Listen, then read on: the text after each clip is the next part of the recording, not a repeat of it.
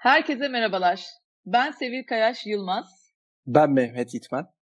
Vodafone Red Akademi podcast kanalımıza hoş geldiniz. Bu kanalda Ecel 1 mg serisiyle birlikteyiz. Adından da anlaşılacağı üzere Ecel hakkında konuşacağız. Ecel dönüşüm nedir? Ecel şirket var mıdır? Varsa gerçekten nasıl olunur?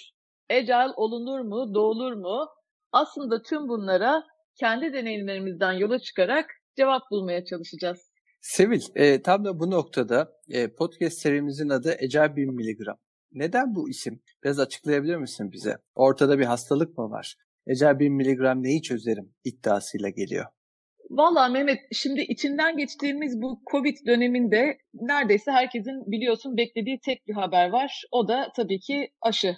Yani ki nitekim gururla söyleyebiliriz ki o aşıyı da biliyorsun bir Türk çift buldu. Profesör Doktor Uğur Şahin ve eşi Doktor Özlem Türeci. Ee, yani gerçekten özellikle isimlerini vurgulamak istedim çünkü her ikisini de saygıyla ve sevgiyle buradan selamlayabiliriz diye düşünüyorum. Gururumuz oldular. Şimdi bir şekilde herkes herhalde nefesini tuttu. Onlardan gelecek haberleri bekliyor. Hepimizin gözü onların üzerinde. Ee, bu arada yani ilk haberde geldi biliyorsun. Hani bir şekilde haber şu. E, galiba önümüzdeki kışı normal geçirebileceğiz. Bu demek oluyor ki bu iş biraz uzun sürecek. O yüzden de hani böyle ahlanıp vahlanmaktansa hakikaten belki de durumla yaşamayı öğrenmekten hatta bence bana sorarsan biraz da fırsatı çevirmekten başka çaremiz pek kalmadı gibi. Şimdi biraz da tabii şeyi de düşünüyorum. Hani niye bu aşı bu kadar olay oldu? E, çünkü ilk defa tüm dünya ülkeleri aynı anda aynı sorunla mücadele ediyor. Yani şeyi düşünüyorum hani gelişmekte olan ülke misin, gelişmiş bir ülke misin? Yani bu arada bu gelişmekte olan kavramı da çok enteresan gelmiştir her zaman bana. Çünkü olarak biz de biliyorsun o kategorideyiz. Nereye kadar bunun bir sonu yok mu onu bilmiyorum ama hani bakarsan eğer işte ekonomin güçlü zayıf mı, nüfusun az mı çok mu neredeyse bunların hiçbir önemi yok. Yani hani böyle bakınca hakikaten tüm insanlık olarak neredeyse tek bir düzlemde eşitlendik diye düşünüyorum. Biraz da şeye de bakıyorum yani hakikaten neler yapılıyor, açıklamalar, önlemler, işte tedbirler onlar da çok aynı. Neredeyse birebir e, birbirinin aynısı. Ve şu anda hakikaten herkesin tek bir düşüncesi var. E, o da şu, aşı gelecek, dertler bitecek. Yani hadi inşallah bizim de temennimiz öyle olsun. Ama gerçekten bu kadar kolay mı? Valla ben kendi adıma çok emin değilim. Bilmiyorum sen ne düşünüyorsun? Evet haklısın. Ee, aslına bakarsan tabir caizse gerçekten iple çekiyoruz aşının gelmesine ama sanırım biraz daha beklememiz gerekiyor. Ee, bu anlamda katılıyorum sana. E doğru yani sonuçta bekleyeceğiz. Beklemekten de başka bir çare yok. Şimdi ben bu Ecail'in durumunu da aslında buna çok benzetiyorum. Yani hani sadece insanların değil aslında şirketlerin de semptomları var. Ee, ve bana sorarsan hakikaten onlar belki de hani eskiden de bir takım alarmlar üretiyorlardı ama belki de şimdi hiç eskiden olmadığı kadar yüksek sesle alarm üretiyorlar. Yani şimdi şirketlerin de semptomu mu olur deme sonuçta neden olmasın. E, çünkü şirketler de aslında yaşayan organizmalar. Böyle birkaç tane aklıma gelen hani hakikaten herkes verimlilikten bahsediyor. İşte sürekli artan verimlilik ihtiyacı var ne bileyim herkes maliyetleri kısmaktan bahsediyor. İşte sürekli böyle bir nasıl daha azaltırız, nasıl daha küçültürüz çabaları var. E böyle çok uzun uzadıya hantal süreçler var. E, e bir alignment kültürü var böyle şey gibi efsane gibi ortada dolaşan. Bir şekilde align olalım derken daha da uzayan karar süreçleri. Yani bence bu alignment kültürü de herhalde böyle bir 50 serilik podcast serisi olur diye düşünüyorum ben. Bilmiyorum. Katılıyorum sana. Hani bu semptomlara ekleme yapacak olursam başlayan ama e, bir türlü bitmeyen yolda da artık anlamını yitiren buna rağmen hala devam ettirilen projeler daha da önemlisi belki de motivasyonunu kaybeden çalışanlar yedi listeyi uzatmak sanki mümkün. Evet evet yani hakikaten buraya bence çok ek yapılabilir. Yani çalışanlar deyince de şimdi hemen şu geldi aklıma. Yani çalışan bağlılığı mesela. Hani hakikaten ne yaparsak yapalım elimizden kayıp giden yetenekler Ha, bu arada gittikleri yetmiyormuş gibi yerlerine de kolay koyabiliyor musunuz dersen hani o da o da çok zor. Daha da zor hatta. Dolayısıyla al sana çifte zorluk gibi bir durum var orada. Yani aslında sayacak çok semptom var. Ama daha fazla bence devam edip içimizi de karartmayalım. Benim bile böyle biraz sayarken içim şişti. Yani özetle şunu belki söyleyebiliriz. Hani şirketlerde küçük, büyük, lokal, global, köklü, yeni hiç fark etmiyor. Aslında bütün çareyi herhalde Ecal'de arıyor şu anda. Ecel gelecek, dertler bitecek diyorsun yani. E valla bitecek mi bilmiyorum da evet öyle bir havada şirketlerde var. Biraz Covid'deki duruma benzer bir şekilde. Ha bu arada şey de söyleyebiliriz yani Ecel de evrensel. Hani zannetme ki Türkiye'deki şirketler sadece bunu çare olarak, ilaç olarak görüyor. Şu anda biliyorsun dünya üzerinde neredeyse hani en trend konulardan bir tanesi Ecel. Dolayısıyla hani en az Covid kadar belki evrensel olduğu da söylenebilir. Şimdi o nedenle de biz bu podcast serisinin adını Ecel 1000 miligram koyduk. Aslında her hafta böyle bir doz alınmasını da şiddetle tavsiye ediyoruz. Şimdi tabii akla gelen çok fazla soru var. Mesela şimdi ben sana şöyle bir şey sorsam. İşte bir ilaç var ve e, yeni bir ilaç. Aklına ne gelir o ilaçla ilgili? Neyi sormak, neyi bilmek istersin? Bu ilaç neye deva olacak onu merak ederim. Hangi dozda ne kadar kullanmak lazım? Muadili var mı? Neye iyi gelir? Ne gibi semptomlar belki yaratır veya çözebilir? İlk aklıma gelenler. E doğru yani biraz daha uzatmak istesek mesela işte kolay sindirilebilir mi? Önemli bir soru bence. Sindirim sistemi biliyorsun her zaman önemlidir. E yan etkileri var mı? Hani hazır bir semptoma çare bulacağız da acaba başka semptomlar yaratacak mı bir tanesini iyileştirirken? E, etkileşime girmemesi gereken başka şeyler var mı? Yani yalnız mı kullanmam lazım? Yanına iki tık bir şey daha koyabilir miyim? E, hangi doktor yazar, kime yazar, kime başvurmak gerekir? Ha bir de şöyle bir soru var. Belki ilacın kendisinden de bağımsız. Acaba hiç ilaç kullanmasam e, bu semptomlar kendiliğinden geçer mi? Yani bu listeyi uzatmak bana sorarsan mümkün. O yüzden de ben şöyle diyorum. E, hakikaten biz bu ecel konusunu şöyle güzelce bir masaya yatırıp enine boyuna konuşalım seninle. Yani hem de böyle cesaretle ve açık yüreklilikle. E, bana sorarsan ben şimdi hani bunu kendi deneyimlerimden yola çıkarak paylaşmayı e, çok faydalı buluyorum. E, hem de iyisiyle ve kötüsüyle. Yani dolayısıyla böyle hani yapılırsa ne olur değil de hakikaten yapılmışın üzerinden düşüncelerimi olabildiği kadar net bir şekilde ortaya koyacağım. Dolayısıyla bendeki durum bu. Bilmiyorum peki sen neden buradasın?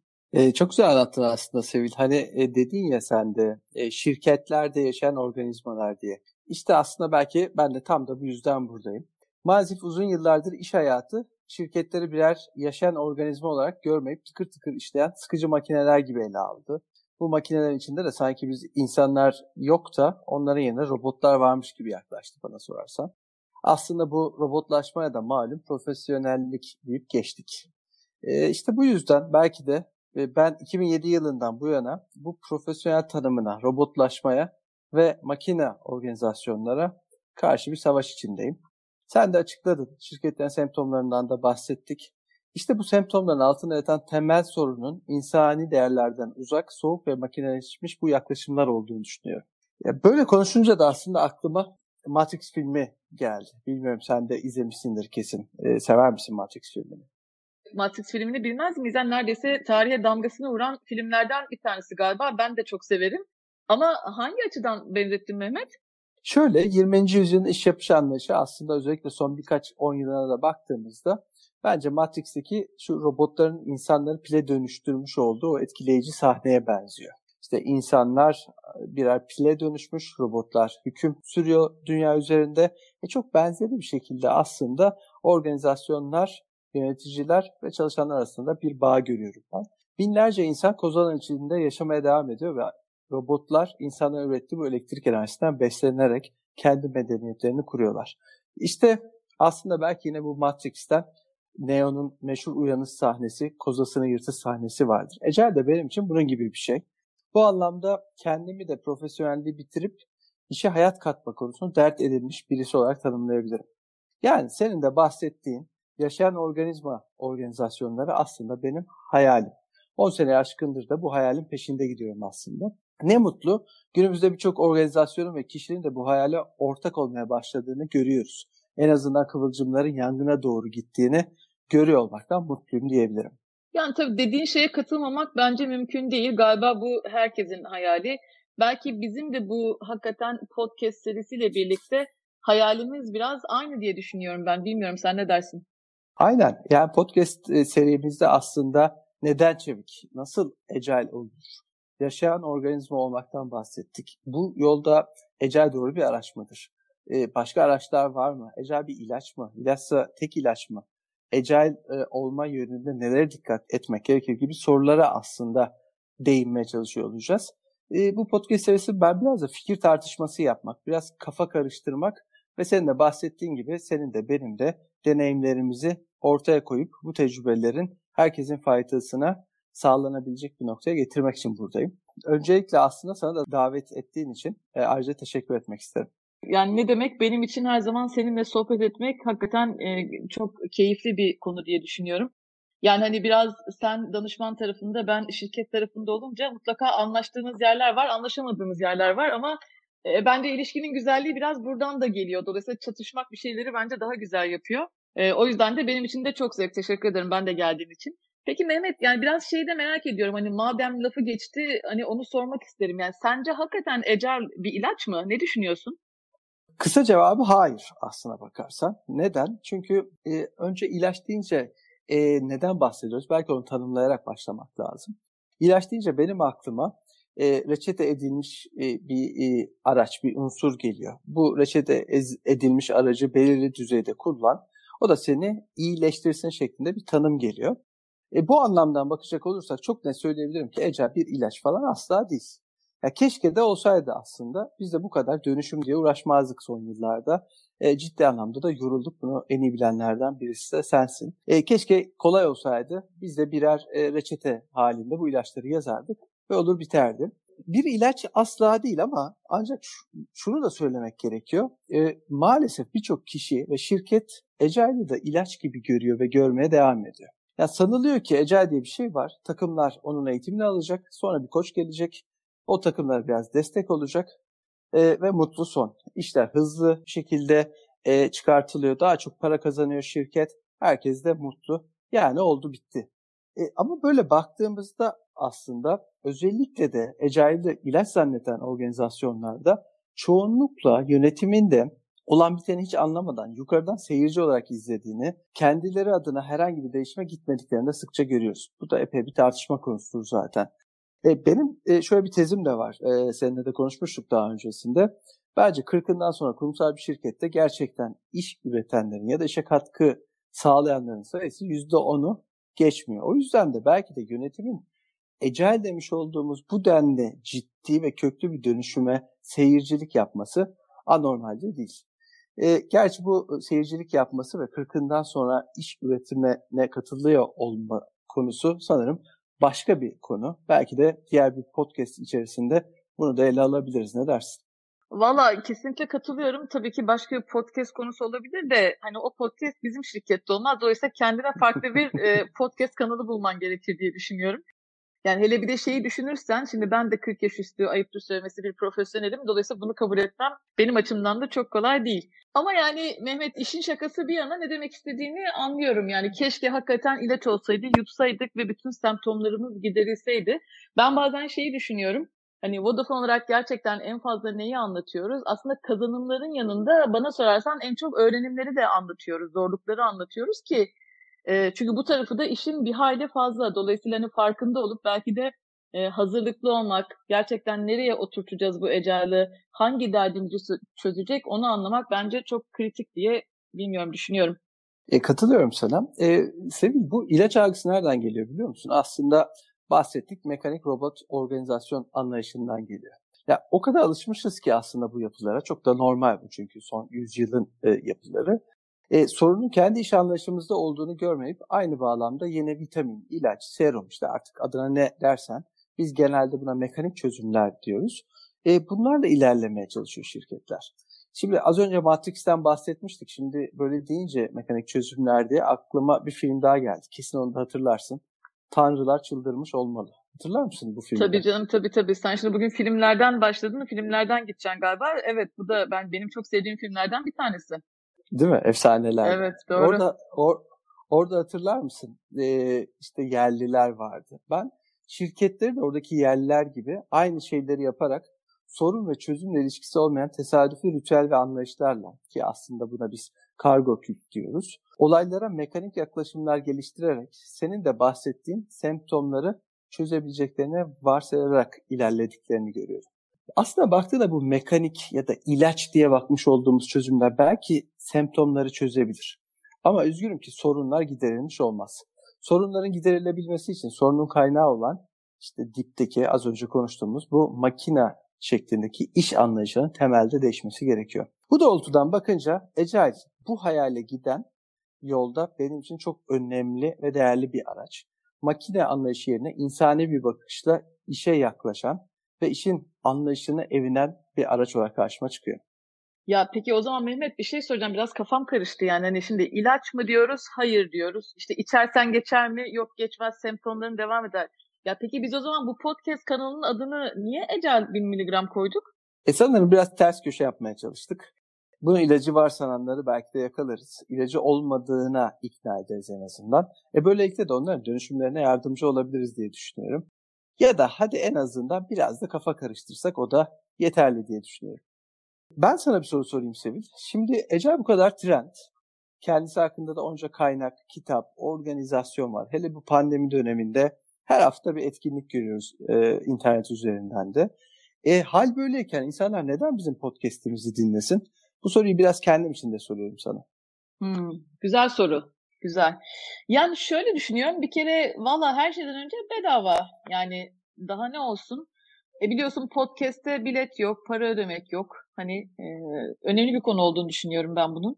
E sonra zaman sınırı yok. Hani istediğin zaman açıp dinleyebilirsin. Hani topu topu 15-20 dakikalık bir söyleşi aslında bu. E biraz mekandan bağımsız. Nerede olduğunun bir önemi yok. Şimdi Covid'den önce olsaydı şunu söylerdik. İşte arabada, evde, yolda, tatilde derdik. Şimdi Covid'le birlikte artık şöyle diyoruz. Mutfakta, banyoda, işte ne bileyim yatak odasında, salonda istediğin her yerde dinleyebiliyorsun. E, baktın çok mu beğendin ki inşallah bizim serimiz öyle bir şey olur, seri olur. E, döne döne de tekrar dinleyebilirsin ya. Yani. Bunun için de bir engel yok. Ha bir de bence şöyle güzel bir tarafı var bu arada bizim açımızdan da. E, e şimdi kimse seni görmüyor. Seni de görmüyor, bizi de görmüyor. Dolayısıyla hani dinlerken çekirdek mi çitlersin, meyve mi yersin, işte oturur musun, yatar mısın?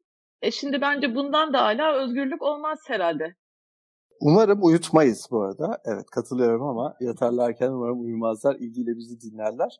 E, bu arada şey dedin, e, herhangi bir e, ücreti yok. Ya doğru, e, biz kitabı da bedava yaptık. E şimdi bu podcast de bedava. E, nasıl olacak Sevil bu iş? E, ben podcast'te en azından bir reklam gelirimiz olur diye düşünmüştüm ama o da olmayacak diye anlıyorum. Valla belki ona da artık yavaş yavaş agile e, yöntemle bir çözüm bulmaya başlamak lazım. Ben de hakikaten bilemiyorum ama oraya da herhalde yavaş yavaş agile şekilde geliriz.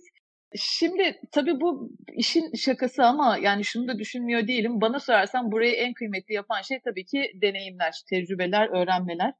Yani ben şimdi şunu düşünüyorum. Hani herhalde Ecel ile ilgili senin de dediğin gibi tonlarca kaynak vardır. Yani kitaplar, makaleler, dergiler, online eğitimler.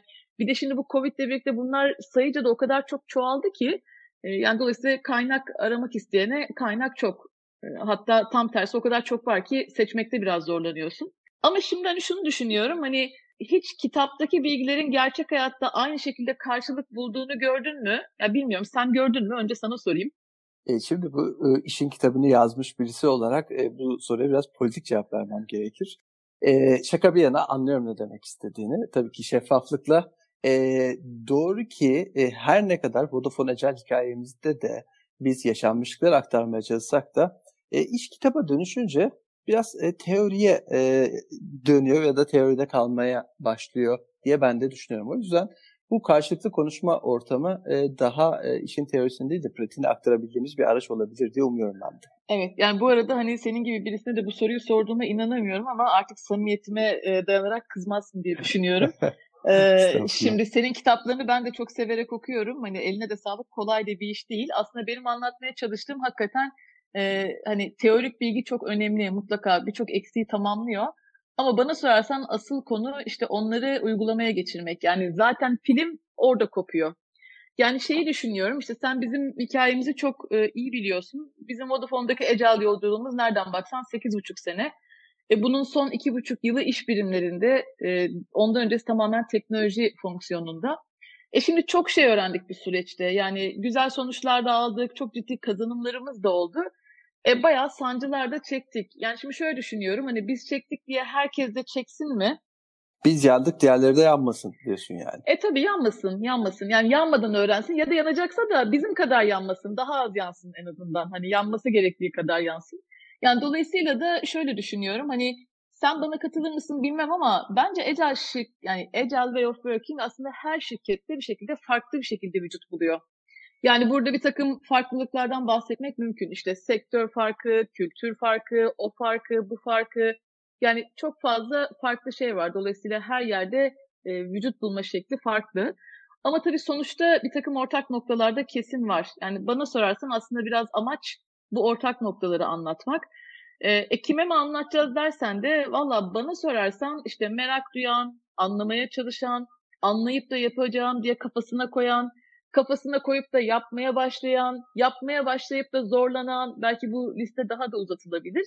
Yani günün sonunda aslında o merakı hala taze bir şekilde koruyan herkese bence anlatmak e, iyi olabilir diye düşünüyorum. Yani bu arada alınma tabii ama burada anlattıklarımız da, da öyle kitaplarda bulman çok kolay değil. Bunların hakikaten çoğu yazılmıyor, maalesef yaşanıyor. Bunu herhalde kabul edersin diye düşünüyorum. E, katılıyorum. Her ne kadar e, Vodafone Ecel Hikayemiz kitabında bolca yaşanmışlıkları anlatmış olduğumuzu da araya bir reklam girerek tekrar e, belirtmek istesem de katılıyorum ve anlıyorum seni.